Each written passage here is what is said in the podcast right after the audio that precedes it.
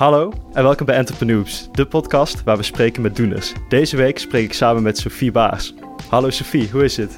Hi, ja goed. Gaat het ook goed met jou? Nou, zeker. Ja, tof, dat je erbij bent.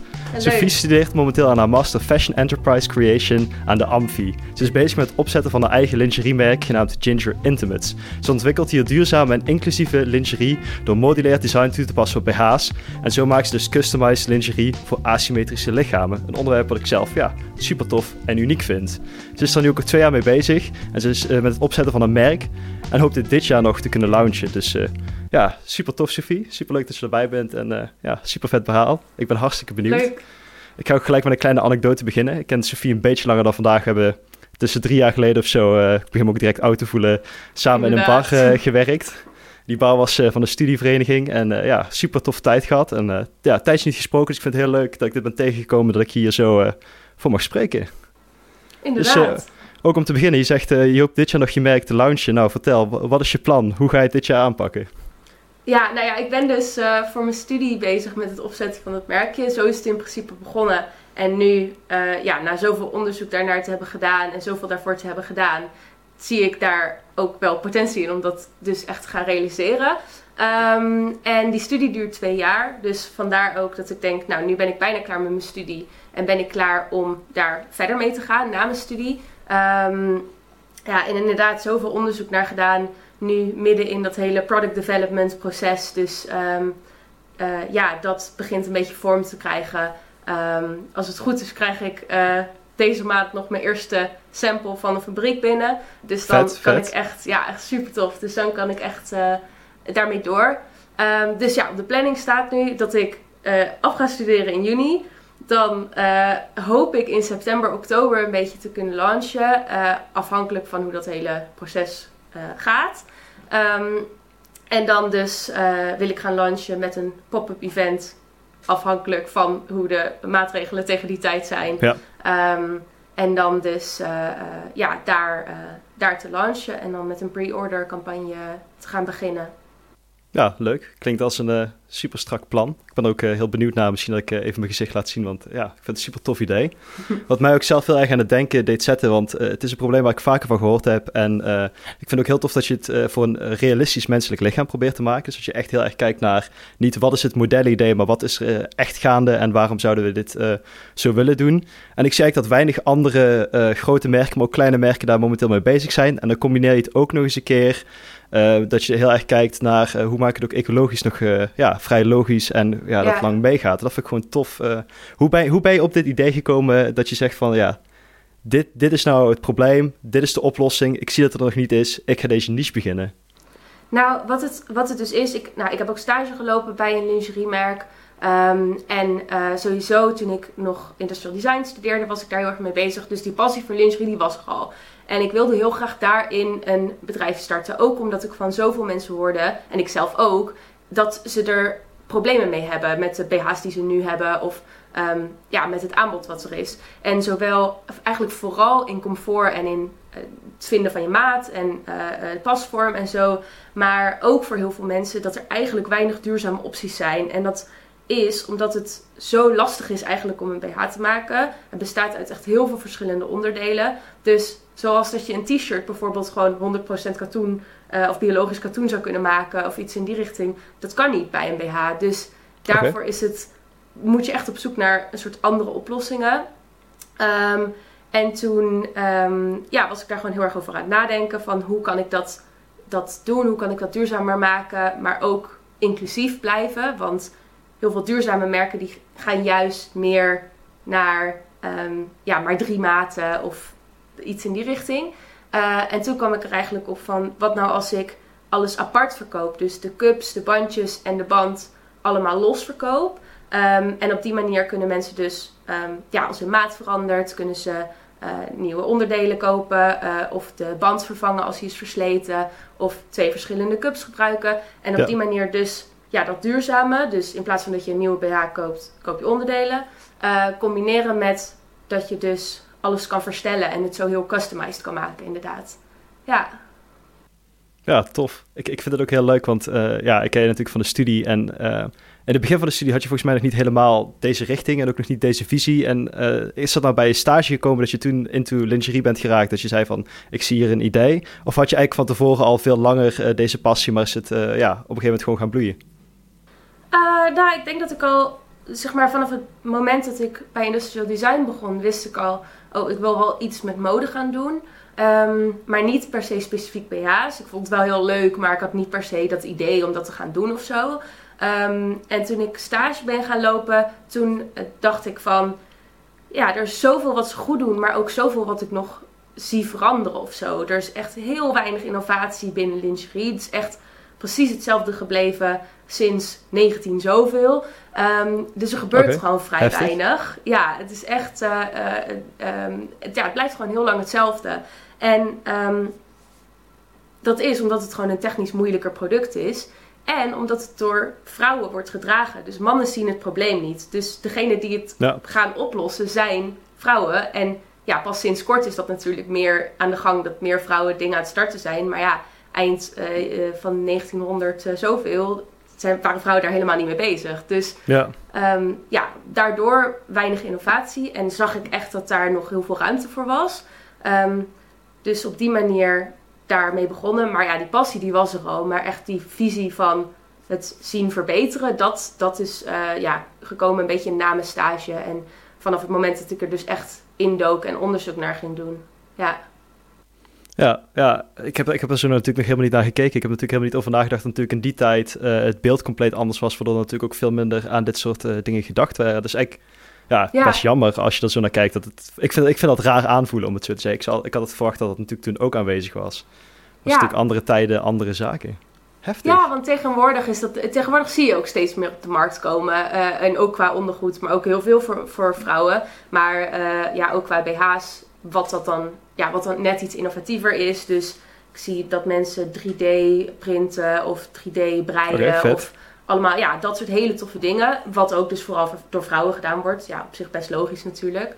Ehm, maar ja, dat dat dan ehm, jaren geleden niet gebeurde. Het verbaast me niet zo heel erg. Maar het is niet echt iets waar je snel bij stilstaat of zo. Heel veel mensen die, ja, je denkt er niet echt tegenwoordig nog over na van oh ja, vrouwen innoveren niet. Dat is natuurlijk niet zo, nu niet meer, maar vroeger was dat wel, ja. Ja, ja een hele andere generatie inderdaad. Gewoon, ja. iets wat ik mezelf... Ik vind het soms moeilijk om mijn hoofd eromheen te gooien hoe anders het dan nu is in vergelijking met toen. Want ik heb altijd het idee van, ja, je krijgt nu mee, dus het zal toen ook wel zo geweest zijn. Terwijl dat natuurlijk absoluut niet het geval is.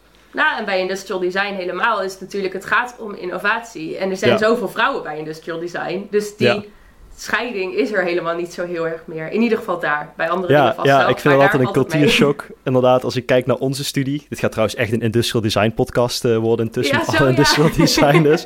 maar ik vind het grappig, uh, of grappig, ik vind het wel heel heftig ook om vaak te zien. Als ik naar mijn studie kijk, neem ik het allemaal voor lief en vind ik het heel normaal hoe het is. En als je inderdaad naar een andere studie loopt, dan is die scheiding compleet anders. En dat is natuurlijk een heel ander wereldbeeld. En ik, ik zelf kan dat dan niet voorstellen. Vooral als ik dan ga sporten en dan wel dat verschil zie, dan denk ik wel eens van... Oh ja, natuurlijk, technische universiteit, het is natuurlijk uh, helemaal niet zo zoals ik gewend ben binnen mijn studie. Ja, inderdaad. Ja. Ja. Ja, en uh, waar ik trouwens ook benieuwd naar ben, we hebben vorige week, uh, of deze week, ergens begin van de week, digitaal een kop koffie gedronken. Hebben het ook over een paar dingen gehad. En je zei, ik, heb, ik heb nu een, een ontwikkelaar in Portugal gevonden. Die gaat zeg maar outsourcen. Natuurlijk, als ik het goed heb, wat je ook zei, van het is voor mezelf ja, te veel om het allemaal op maat, handmatig te gaan doen. Hoe, hoe is dat te werk gegaan? Hoe, hoe contact je in godsnaam opeens een fabriek in Portugal? Nou, dat is ook wel echt een drama geweest eigenlijk hoor. Het heeft echt lang geduurd. Want het is gewoon heel makkelijk om iets in uh, bijvoorbeeld China te vinden, maar dramatisch om, om iets binnen Europa te vinden. En dat is vooral omdat ja, bij lingerie heb je gewoon echt een speciale kennis nodig. Ik ook. Ik um, uh, ben best wel handig achter een naaimachine. Ik kan mijn eigen kleding maken in principe. Maar BH is echt, echt een stap verder. Dus dat, uh, dat die technische skills, die moet zo'n fabriek hebben. Ze moeten echt gespecialiseerd zijn in lingerie. Um, en dan wil ik er ook nog eentje die lage um, minimums kan produceren. Want zoveel uh, kan ik natuurlijk niet produceren. Daar heb ik gewoon het geld niet voor. Dus, uh, en de klanten ook helemaal niet voor. Um, dus nou ja, dat was een hele zoektocht. Nou is er een soort platform voor uh, lingerie, waar heel veel stoffen op verkocht worden en op gesourced worden. Ehm, en ik was daar ehm, en daar sprak ik met een, een, iemand die elastiek verkocht voor lingerie uit Portugal. En ik dacht, ja, ik moet gewoon aan iedereen die ik spreek daar vragen: is, is er ergens een fabriek bij jou in de buurt waar jij misschien aan supplied? Die jij, uh, waarmee ik in contact kan komen. En toen kwam ik op die manier in contact met uh, die fabriek in Portugal. Dus echt zo via via. Daar heb ik echt nou, ik heb wel honderd mensen gesproken, gevraagd van, ken je iets, weet je iemand?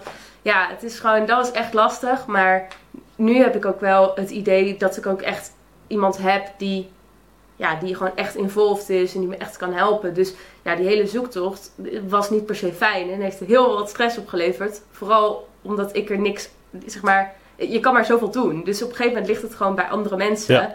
Ehm, en dat vind ik best lastig. En dat was ook best lastig. Maar ja, uiteindelijk hoop ik dat dit dan uh, uh, wel wat gaat worden. Dat weten we natuurlijk pas als ze echt voor mij dingen gaan produceren. Maar ja, het ziet er wel heel positief uit, inderdaad. Ja, ja. ja klopt. Ja, daar ben ik ook benieuwd naar. Wat ik me dan ook afvraag is, heb je daar eigenlijk bij stilgestaan, um, een soort van, uh, om een patent aan te vragen op wat je aan doen bent voordat je naar de fabriek ging? Zaten daar stappen in? Of heb je heel erg open vertrouwen erin? Ga niet gewoon met jou produceren? Hoe, hoe zit die relatie tussen jou en uh, opeens een fabriek uit Portugal? Ja, nou ja, misschien heel, heel dom, zeg maar, maar ik, uh, nou, een patent of iets is echt super duur. Dus eigenlijk is daar echt niet aan te beginnen. Um, Dus daarom heb ik ook gezegd van, weet je, ik uh, vertrouw die mensen gewoon en uh, zij gaan mij gewoon helpen. Nou, sowieso. spannend. Ja, dus dat is natuurlijk spannend. Zij zijn wel een, ja, een fabriek. Zij hebben niet een eigen merk of zo nog erbij. Dus zij doen dit voor heel veel verschillende merken. Ik ken ook andere merken waarvoor zij werken. Dus ja, ik, wat dat betreft is het, is het vrij betrouwbaar. Ja. Um, maar ja, dat is natuurlijk altijd een vraag. Het is gewoon een, een ding van. Uh, um, ja, ook, ook van elkaar. Want zij gaan nu iets ontwikkelen voor mij. Uh, in de hoop dat ik dat met hen ga produceren. Uh, waar zij ook veel tijd en moeite in steken en hun resources in steken. Um, en zo doe ik dat ook. Dus het is ook wel een beetje elkaar durven vertrouwen. Maar ja, het is, het is lastig. Um, maar iets als een patent of zo, dat is gewoon echt, ja, voor mij gewoon echt niet te doen. Volgens mij betaal je daar echt heel veel geld voor. Plus denk ik van, nou, elke vorm van innovatie in de lingerie ben ik helemaal bij. Dus um, ik, ja, liever niet dat mensen mijn idee gaan, gaan stelen. Maar, um, uh, en dat zou natuurlijk een vrij groot probleem zijn. Maar ja, als iemand daar potentie in ziet en ook wil innoveren, dat, uh, ja, daar, daar ben ik helemaal voor in principe. Dus het is lastig. Ja, ik wist helemaal dat zo'n patent zo duur is. Het is natuurlijk heel erg als podcast-host van iemand die podcast heeft over ondernemen dat ik nu kom. Ja, patent, uh, leg maar even uit. Nou, sowieso nee, maar, is uh, gewoon echt dat hele ding met intellectual property, patenten, weet ik het wat. Het is echt zo'n moeilijk onderwerp. En dat is ook iets... Ik heb een samenwerking gedaan met studenten uit uh, Londen voor mijn studie.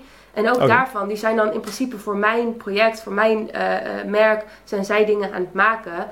Um, dus zij stoppen hun creativiteit en skills daarin. Ja.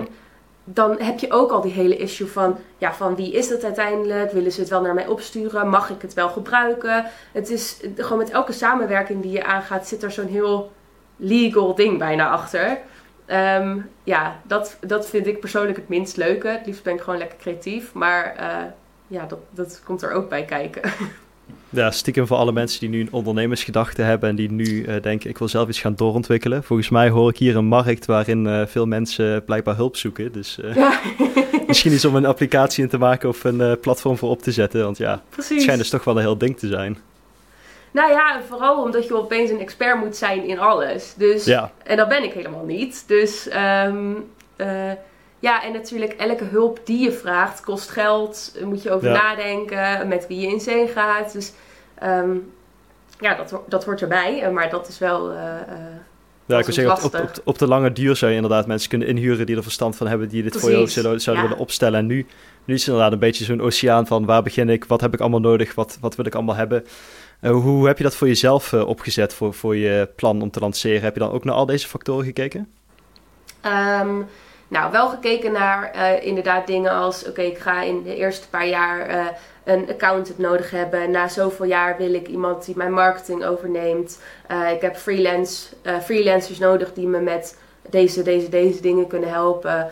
Um, dus ik heb in principe gewoon een heel financieel plan ook en een operational plan van hoe ik dat wil gaan doen um, in de komende drie tot vijf jaar ongeveer. Um, en ja, dat idee is er wel, maar ik verwacht dat het gewoon zo anders gaat lopen dan dat ik nu denk. Dus hoe betrouwbaar dat is, weet ik niet. Maar overal is wel over nagedacht, zeg maar. Ja, ja, gewoon uitvinden inderdaad door het gewoon te doen. Iets, Een betere les kun je niet hebben uiteindelijk.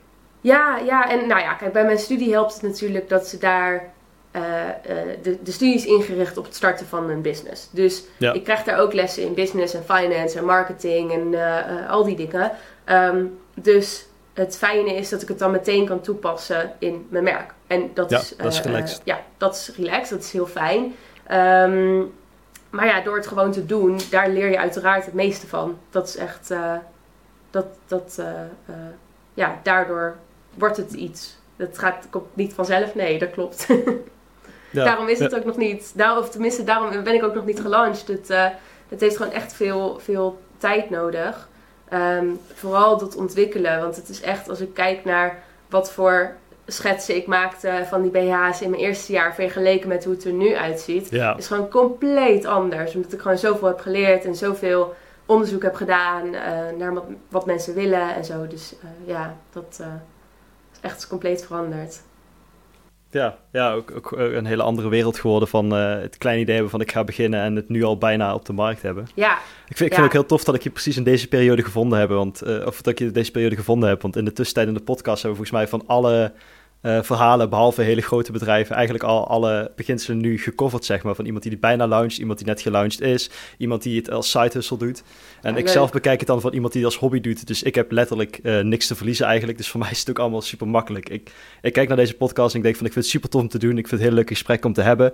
Maar stel dat van vandaag op morgen zou stoppen omdat het niet werkt, is het voor mij niet het, het grootste verlies. Dus is natuurlijk voor jou heel anders. Want voor jou is het natuurlijk nu heel spannend om die, die sprong in de diepte te gaan maken. Je studie is bijna voorbij. En je gaat dadelijk gewoon ja, beginnen met het, het flinke ondernemen. Uh, hoe sta je daar tegenover? Heb je een beetje spanning? Ben je excited? Wat, wat is jouw gevoel hierin? Nou, wat het, wat het natuurlijk is, is dat ik um, ben dus bijna klaar met mijn studie. Um, ik ben nog hartstikke jong, ik ben 22. Dus als het nou nu niet zou lukken, stel je voor, ik ben twee jaar lang uh, uh, volop bezig nog, hierna nog um, met het starten van mijn business en gelaunched zijn. Uh, en uiteindelijk loopt het gewoon totaal niet. Nou ja, dan ben ik 24, ga ik alsnog aan het werk. Um, ik, ik, weet gewoon niet wat ik nu kan verwachten. En dat vind ik zelf heel spannend. Um, maar aan de andere kant denk ik ook van, ja, als het dan niet lukt, dan lukt het niet. Dan heb ik superveel geleerd. En dan ga ik daarna uh, weer iets anders doen. Dus aan de ene kant denk ik, nu heb ik nog niks te verliezen. Ik hoef geen baan ervoor op te zeggen. Ik hoef... Uh, ik heb niet zoveel kosten als dat ik misschien zou hebben als ik uh, al de hele tijd aan het werk ben. Aan de andere kant heb ik nog bijna niks gespaard. Dus, en ja, ben ik gewoon gewend als, als student te, te leven. Dus Tricky. ja, het is een beetje, het is een beetje, een beetje lastig natuurlijk wat dat betreft. Maar um, ja, en nog kijken wat ik, wat ik wil gaan doen. Misschien red ik het helemaal niet in het eerste jaar. Moet ik er wel naast gaan werken. Maar het is denk ik ook heel erg een soort adapten naar wat je, ja. Uh, ja, wat ik op die manier, op, op dat moment uh, meemaak. Ja. Ja. Ja, ik vind het grappig dat je 24 noemt. Ik ben uh, een wat minder nominale student. Ik ga lekker traag. dus uh, ik ben op mijn 24 straks pas uh, afgestudeerd. Dus voor mij is het dan ook zo met dat ik zeg van ja, ik zou 24 inderdaad niet oud vinden om te werken of zo. Ik zou zelfs zelf nog idee hebben om misschien eerst nog een onderzoek deel te nemen of zo. Omdat ik nog een stuk ouder ben. Ik, ja. ik geniet ja, er wel van hoe het nu is. Ik bedoel, je ziet zat studenten die eind 20 of misschien zelfs begin 30 zijn en dan daarna pas beginnen met werken. Dus ik denk, nou, nu is echt het, het minst. Um, slechte moment om te beginnen, zeg maar. Het is misschien wel het beste moment om het gewoon maar te doen en om te kijken hoe het gaat. En uh, ja, lukt het wel, is dat natuurlijk super tof. En ben je super jong en gaat het heel goed, dat is natuurlijk helemaal leuk. Uh, en als het niet leuk is, of het niet goed gaat, of whatever er gebeurt, ja. dan is het ook niet zo'n ramp. Dus Nee. Heb je wel, stel, stel, worst case scenario, daar gaan we natuurlijk niet vanuit, dat we gaan ervan uit dat het gewoon allemaal top loopt. Maar stel, uh, je, je hebt een beetje een tegenslag, het loopt niet en uh, je zou voor een ander bedrijf moeten werken en uh, je zou daar fulltime moeten werken om jezelf te onderhouden. Heb, heb, jij een plan B? Is er een idee dat jij zegt van, dit ga ik dan ook echt doen? Of heb je zoiets van, it comes as it goes? Um, nou, nu vind ik het gewoon lastig om te voorspellen. Maar in principe heb ik natuurlijk gewoon een goede studie. Ik heb gewoon een, een bachelor uh, uh, van de TU. Ik heb een master nu van Amfi. Amfi staat ook goed aangeschreven. Dus um, ja. ik heb gewoon dat om op terug te vallen. Ik heb gewoon een goede studie die ik dan tegen die tijd afgerond heb. Um, dus in principe, ja, wat ik dan precies zou willen doen of ga doen, dat weet ik niet. Maar ik weet wel dat ik gewoon dat altijd heb om op terug te vallen. Um, ook als het niet zou lukken. Dus dat is wel een soort vangnet wat je dan nog hebt. Dat ik niet verwacht dat het dan nog echt, ja, het zal vast wel moeilijk zijn om een baan te vinden. Ik denk dat het voor heel veel mensen zo is. Maar het is niet dat ik dan helemaal niks meer heb of zo. Nee, tuurlijk, tuurlijk. Heb je, stel uh, een beetje een ander scenario waar ik ook wel benieuwd naar ben. Ik vind het altijd leuk om te kijken hoe mensen denken. Vooral mensen die ik natuurlijk langer dan vandaag ken.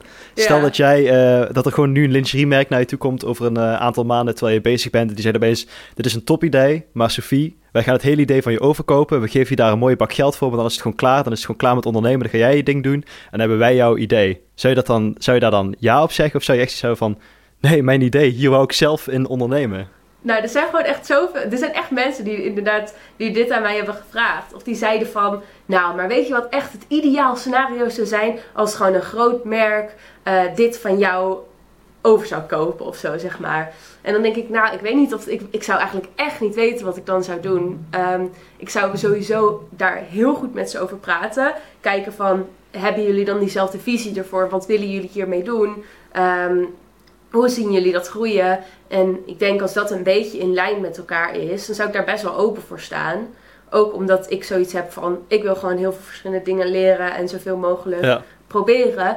Um, dus ja, als ik dan een paar jaar daarmee bezig ben en dat is succesvol en ik kan daarna weer misschien mijn tijd steken in een nieuwe business starten en iets heel anders ja. weer gaan doen. Of weet ik het wat, zoiets. Dan zou ik daar best, zeg maar, ik sluit niet meteen die deur. Maar ik zou wel zeker willen zijn dat het niet een groot bedrijf is die denkt, hmm, dit is competitie en we willen die opkopen of zo. Ik weet niet wat er zou gebeuren. Maar stel je voor, dat zou zo zijn, dan zou ik daar niet meteen, uh, niet meteen ja op zeggen. Maar ja. een beetje tussenin.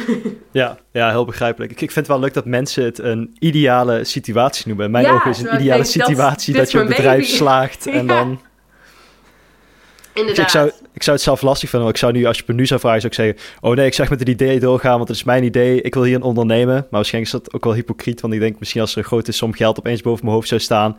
Klinkt stom. Maar uh, ik, ik heb natuurlijk ook studieschuld als iedere student. Dus zou ik misschien ook wel denken van... Mm, ja, weet je... Uh, of zou, zou ook wel aantrekkelijk kunnen zijn, stiekem. Ja, ja, plus, nou, stel je voor, tegen die tijd heb ik meer ideeën van um, wat, ik, wat ik nog verder zou willen doen. Of een nieuwe business. Of Um, uh, ik zou willen werken of weet ik het wat. Maar als ik dan een nieuwe business zou starten en ik heb dat geld binnen van, een, van iemand die mij over zou kopen, zeg maar, dan kan je dat daar weer insteken om dat weer te laten groeien. Dus ja, ik zie niet per se dat dat een heel groot, uh, grote nee zou zijn daarom. Maar um, ja, het is wel een beetje je baby. In ieder geval nu is dat zo. Ik weet niet hoe ik daar over een paar jaar over denk, maar ja, nu. Uh, zou, dat wel, zou ik dat niet meteen willen, zeg maar. Nee. nee, ik vind het wel leuk dat je ondernemerskriebels houdt. Dat je niet zegt van, oh, dan heb ik dat geld, dan ga ik een beetje chillen of dan ga ik uh, lekker uh, werken, een beetje parttime nee. of zo. Nee, dat je echt direct zegt, nee, dan ga ik gewoon doorondernemen. Vind ik wel leuk, dat vind ik wel... Uh... Dus ja, zou, maar... zou je jezelf dan ook echt identificeren, om het zo maar even te zeggen, als ondernemer? Ben je er ook in het voor de hustle? Nou, zeg maar, ook als ik ja, ik ben gewoon iemand, als ik, ook als ik zou gaan werken, dan ben ik gewoon iemand die heel hard werkt, die het geen probleem vindt om dan nog s'avonds of in ja. het weekend door te gaan. Ik kan ik gewoon, bevestigen. Ja, ik, nou ja, ik wil het gewoon heel graag goed doen en alles wat ik wil gaan doen, wil ik er ook insteken, zeg maar. En dat is zo bij een business, maar dat zou ook zo zijn als ik ergens zou gaan werken. Dus ook als ik nou uh, de loterij zou winnen, dan nog steeds zou ik daarmee door willen gaan. Gewoon omdat ik het heel leuk vind om te doen en gewoon omdat ik heel erg veel wil leren. Dan ja, dus dan, dan hou ik dat wel, zeg maar, ja. denk ik. Neem ik ja, aan. Ik Ik vind het leuk als ik ook terugkijk. Jaren geleden had je al die ijverigheid in, in die bar. Whatever jij deed, jij stond daar helemaal in. Jij was er helemaal voor het gaan. En ik had zelf toen nog een beetje de spirit van... Oh, lekker aankakken, chillen in een bar, lekker mijn ding doen. En pas aan het einde van die rit eh, heb ik heel veel geleerd... dat het juist ook uh, ja, leren in een team werken, leren communiceren. Uh, daar is ook een beetje het ondernemerskriebels voor mij gekomen. Ik toch iets had van... Ja, het samen runnen van iets was toch heel vet. Terwijl ik dat eerst helemaal niet inzag. En jij hebt direct die vruchten geplukt. En ik ben eerst echt begonnen met chill, bar, chillen. Dus ik vind het wel leuk dat je die instelling direct had. Ik weet niet of het altijd goed is hoor, want het is wel natuurlijk zo... Ik vind het gewoon heel leuk om hard te werken en ergens veel energie in te steken. Maar ik bedoel, het is ook wel goed om gewoon een beetje die balans te vinden. En ook gewoon heel veel te chillen en dan daarnaast hard te werken. Um, ik denk dat ik dat wel een beetje heb, maar soms, soms denk ik van... Nou, ik kan ook wel gewoon wat meer rust proberen te nemen of zo. Dus ik denk dat er in beide wel uh, positieve kanten zitten. Je bent er dan wel echt heel erg bewust mee bezig of zo. Of hard, met, als je hard aan het werk bent, zeg maar, met dat je het goed wil doen. Um, ja, soms geeft dat ook weer extra stress, maar... Ja. Heb je, heb je ook het gevoel dat je nu heel veel extra uren draait omdat je het bent om het zetten? Begint het ja, gewoon, als ik heel eerlijk mag vragen, vind je het nu zwaar? Of heb je wel zoiets van, het is gewoon te doen, ik vind het leuk? Uh, of slokt het je tijd op? Uh, hangt vanaf welk deel ervan. Kijk, als ik bezig ben met een, uh, mijn hele financiële plan en dat soort dingen, daar gaat gewoon heel veel tijd in zitten, wat ik ook niet per se heel erg leuk vind. Dan voelt het echt van, oh, ik ben heel hard aan het werk en ik steek er heel veel tijd in en dit is wel zwaar. Um, ja, als ik dan bezig ben met um, uh, mijn Instagram of de marketingkant ervan of iets heel creatiefs of ik ben bezig met het uh, maken van een video ervoor, dat soort dingen. Uh, daar kan ik ook echt uren en dagen insteken als ik dat wil. Maar dat voelt alsof ik gewoon mijn hobby aan het doen ben of gewoon lol aan het hebben ben. Dus dan heb ik dat gevoel totaal niet. Ja, maar qua hoeveel uren ik er nu in steek. Ik werk wel elke dag van ongeveer ja, 9 tot 5, 9 tot 6 zit ik gewoon achter mijn computer te werken.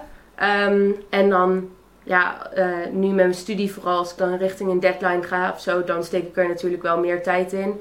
Um, maar dat is een beetje ja, gewoon standaard werkuren. Niet echt studentenuren, maar wel uh, wat ik anders, als ik aan het werk zou zijn, zou. Ah, ik, ik, ik ga stiekem heel eerlijk zeggen, en ik ga nu echt super oud klinken, maar ik ben dus zelf ook begonnen met het toepassen van 9 to 5 in ja, de studie. Ja, dat is erg eigenlijk, hè? Ja, weet je... Het voelt um, niet echt als een student, nee. Als ik terugkijk naar mijn eerste en mijn tweede jaar, toen deed ik gewoon de hele dag door een beetje aankakken en lekker chillen. En dan had ik de hele, heel veel avonden werk en dan was ik in het weekend het werken. En er is echt een punt gekomen. Was misschien nadat ik ook in cafés heb gewerkt en mijn hele nachten door was aan het werken, dat mijn hele ritme weg was. Dat ik op een gegeven moment zei, vanuit mijn stage begon dat denk ik. Dus uh, dankjewel stageplek voor het ritme. maar uh, toen, toen begon een beetje die 9 to 5. En uh, toen ik ging afstuderen voor mijn bachelor, toen is dat een beetje weggevaagd. En ergens tussendoor dacht ik van, ik moet dat eigenlijk wel oppakken. Want ik, ik ben zo productief als ik mijn uren weet. En ook weet dat ik om vijf uur mijn laptop dichtgooi. Een film aanzet, naar mensen toe ga. Waarever ik zin in heb, kan ik dat gaan doen. En dan heb je weer een deadline iedere dag om naartoe te werken. En tuurlijk ja. ga ik de ene keer langer door, de andere keer korter. En in mijn ideale wereld pak ik soms zelfs woensdagen vrij. Vooral niet tegen de unie zeggen, maar dat doe ik gewoon. Als vooral in de rustige weken. Maar ja, 9 to 5 voelt dan toch stiekem best een ja, slim idee. Er is ook waarschijnlijk wel een reden waarom de werkwereld het, het, het aanpakt. Ja, het voelt zo burgerlijk. En het is natuurlijk niet um, dat ik altijd van 9 tot... Ja, het is natuurlijk niet zo dat ik altijd van 9 tot 5 aan het werk ben. En juist omdat je met je studie bezig bent en juist omdat je met je eigen bedrijf bezig bent, ben je een stuk flexibeler. Dus ja, als ik om 10 uur wil beginnen uh, of als ik een keer om uh, 9 uur s avonds wil stoppen, dan is het zeg maar niemand die vertelt mij dat dat niet mag of niet kan of zo. Maar uh, ja, ik werk wel echt een stuk meer dan dat ik deed toen ik bijvoorbeeld in mijn barjaar zat. Als je dan elke donderdag uh, nog gaat stappen, dan had ik gewoon, nam ik gewoon de hele vrijdag vrij, zeg maar. Ja, dat doe ik nu gewoon niet meer, nee. Helaas, zou leuk zijn, maar nee. Ja, ik hoor dus dat ze studenten gaan aanmoedigen om in 2030 de campus uh, biervrij te maken. Dus in mijn hart uh, deed dat een beetje pijn. Biervrij? Ja, ik zag het bericht dus voorbij komen en ik heb niet de tijd genomen om het te lezen. En ik twijfel nu of het dus op 1 april is langsgekomen of niet. Dus of het is in mijn ogen een hele geslaagde 1 april grap, of dit gaat daadwerkelijk gebeuren. En dan ben ik heel benieuwd hoe dat eruit gaat zien. Want inderdaad, voor ons was het iedere donderdag een beetje een rustmoment. Dat biertje pakken, ja, die barrunnen was af en toe wel stress, maar dat was stress waar ik in ieder geval van genoot.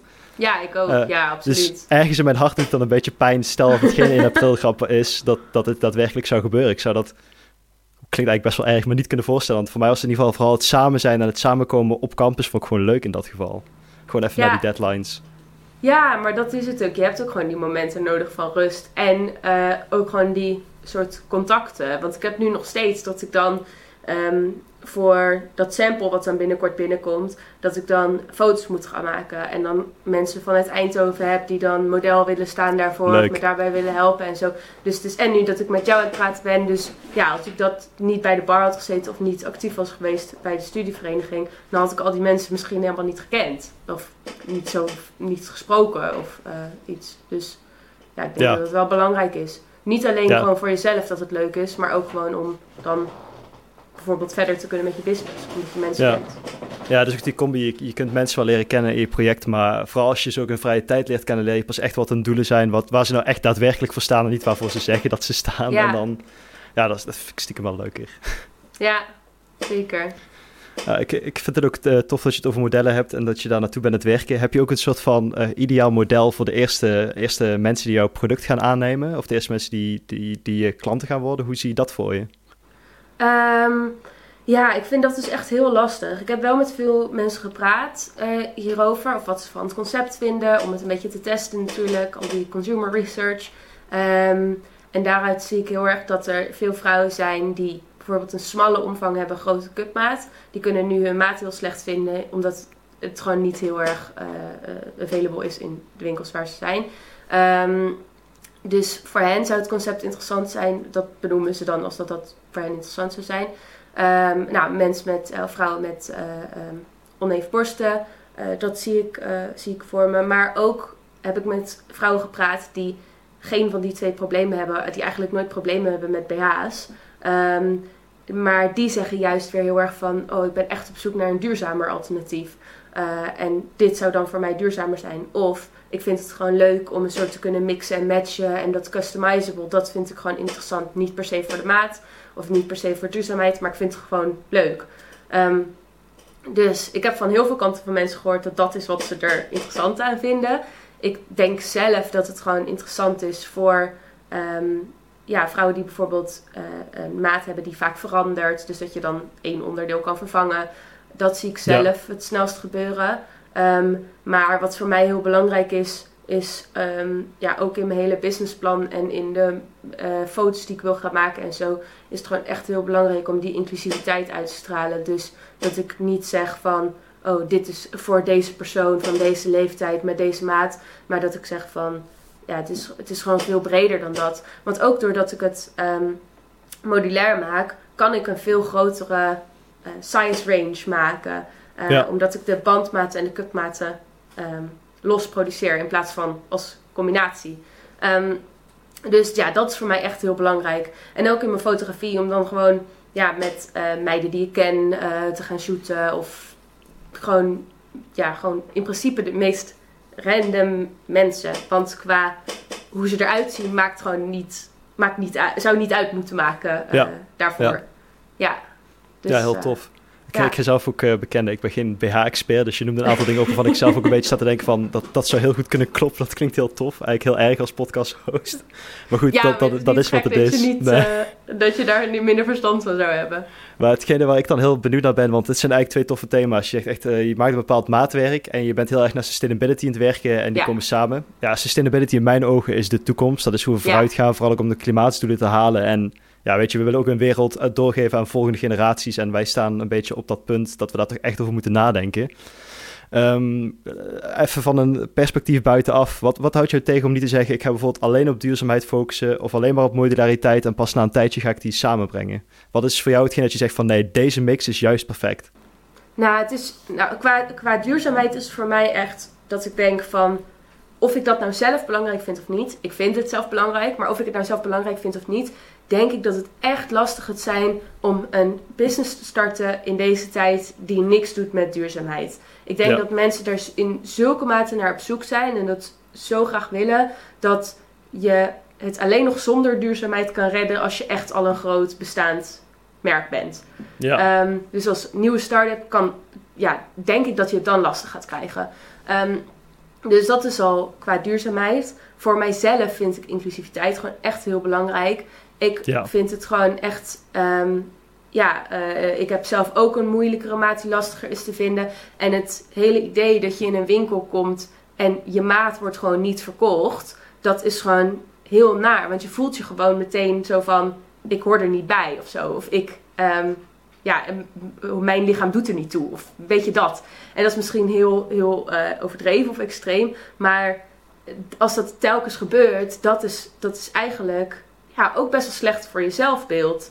Um, kan ik me voorstellen bij heel veel vrouwen. Dus daarom vind ik het gewoon echt belangrijk om die inclusiviteit ook te hebben. En niet mee te gaan met zo'n Victoria's Secret die dan zegt van nee, wij willen een fantasiewereld creëren waarin vrouwen alleen maar heel dun zijn en allemaal kleine maatjes hebben.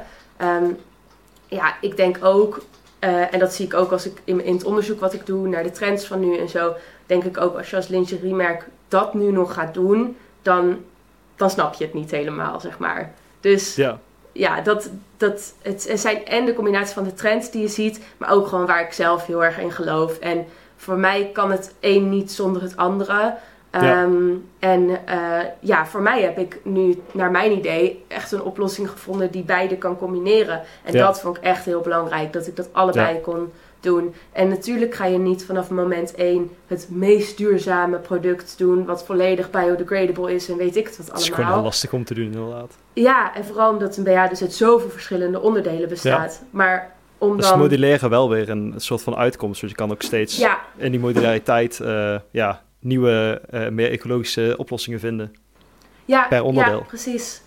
Ja, dus, dus ook dat. Um, en ook qua welke stoffen ik gebruik of welke elastiek of zo. Ik kies nu gewoon de meest duurzame optie die ik kan vinden. Maar um, ja, over uh, vijf jaar zal dat weer iets heel anders zijn. Dus als ik maar blijf innoveren en blijf aanpassen, zodat ik het steeds duurzamer en duurzamer kan maken, dan moet je er op een gegeven moment dat ook, dat ook blijven groeien, denk ik. Ja, de stof hoe apart ook de modulariteit. Ik, ik weet ook niet of modulariteit veel voorkomt. Daar heb ik niet de tijd gehad om ook naar te zoeken. Maar dat is eigenlijk ook heel tof, want daardoor los je ook deels het maatprobleem op, toch? Ja, ja nou, modulaire BH's bestaan naar mijn weten niet. En ik heb er best wel veel onderzoek naar gedaan. Dus dat, dat is uh, volledig nieuw. Um, ik heb wel bijvoorbeeld modulaire schoenen gezien of zo. Dat je de hak kan vervangen, zodat je kan kiezen van... ik wil nu een hogere hak of een lagere hak of dat soort dingen. Dus um, uh, en met brillen is het ook vaak zo dat je dan het uh, montuur kan aanpassen. Ja. Uh, dat soort dingen. Dus daar zie je wel modulaire opties, bij BH's niet. Um, maar ja, nogmaals, ik denk ook dat dat komt omdat er dus zo weinig innovatie daarin is. En omdat het technisch een best wel lastig product is. Ja. ja, het lijkt me dan ook dat je veel beter uh, de juiste maat kan vinden. Want uh, ik ga eens met mijn vriendin, uh, loop ik trouwens een BH-winkel binnen. En als man, als ik gewoon in een kledingwinkel binnenkom, dan is het bijvoorbeeld veel zwarte t-shirtjes of veel t-shirtjes. En dat is dan ja. S tot XL en soms XXL. En dan is dat mijn keuze en dan pak ik gewoon mijn maat. Er is één fit en ik kan door. En dan loop ik zo'n BH-winkel binnen en denk ik echt hoe vind je hier iets? Het is echt gewoon, door het bomen zie je het bos niet. Het hangt helemaal vol. Er zijn zoveel opties, er zijn zoveel maten, er zijn zoveel vormen. Dan ga ik meestal gewoon rustig naar het koffiehoekje, omdat het voor mij al te veel prikkels zijn. ja, inderdaad. Maar dat is het ook. Het is ook, die hele zoektocht is al verschrikkelijk. En voor heel veel vrouwen is het ook gewoon dat ze in principe opgemeten moeten worden in de winkel om hun maat te weten. Um, maar dat is ook, vinden heel veel vrouwen ook niet altijd leuk. Het is ook, um, dat kan ook een beetje schaamte met zich meebrengen. Omdat je best wel naakt in zo'n pashokje staat. Um, en dan aan een vreemde jou moet vragen om jou op te meten. Um, dus dat blijft lastig. Dat gaat ook bij mij lastig zijn. En ik ga het proberen op te lossen zodat je dan met pop-up events mensen die BH aan kan laten passen. Um, en online heel veel uh, informatie daarover te geven. Maar nou, dat, dat hoop ik ook op te lossen door het modulaire design, dat het het wat ja. makkelijker maakt. Um, maar Zo, zou er even vanuit een design perspectief gaat mijn, gaan mijn hersenen nu in één keer uh, aanstaan. Ja, die doen het ook af en toe. Uh, zou je niet iets kunnen thuissturen of iets uh, kunnen zorgen dat zij het in een comfortzone gewoon zelf iets om kunnen doen en zelf kunnen meten? Bestaat dat niet? Want dat zou toch ook logisch kunnen zijn? Ja, in principe wordt nu zeg maar, worden er twee maten gemeten. Um, en op basis daarvan wordt je cupmaat bepaald. Um, en in principe zouden heel veel vrouwen dat gewoon thuis zelf kunnen doen. Maar hoe nauwkeurig dat dan is, dat is ook. Um, ja, dat, dat, dat weet je dan natuurlijk ook niet. Um, en het, het probleem is vooral, wat het zo moeilijk maakt, is dat er zoveel verschillende borsten zijn en iedereen compleet anders is. Dus dat maakt het heel lastig om een soort uniform ding te maken. Ehm, en uh, ja, je kan je in principe dus gewoon opmeten om zo achter je maat te komen. Um, maar ja, dan heb je een meetlint of iets voor nodig. Maar ja. Um, ja, is er ook een, een, een, uniform maatsysteem? Want ik hoor wel eens vaker dat ook uh, mensen zeggen van... Uh, de ene winkel ben ik deze maat en dan ga ik een andere winkel binnen... en dan heb ik hetzelfde model en dan is het een compleet andere maat... maar hij past ook prima. Ja, dat is, nou, dat is dus ook een heel groot probleem. Um, Plus dat het dan zo is dat je dan bij de ene winkel wel jouw maat is, bij de andere winkel niet.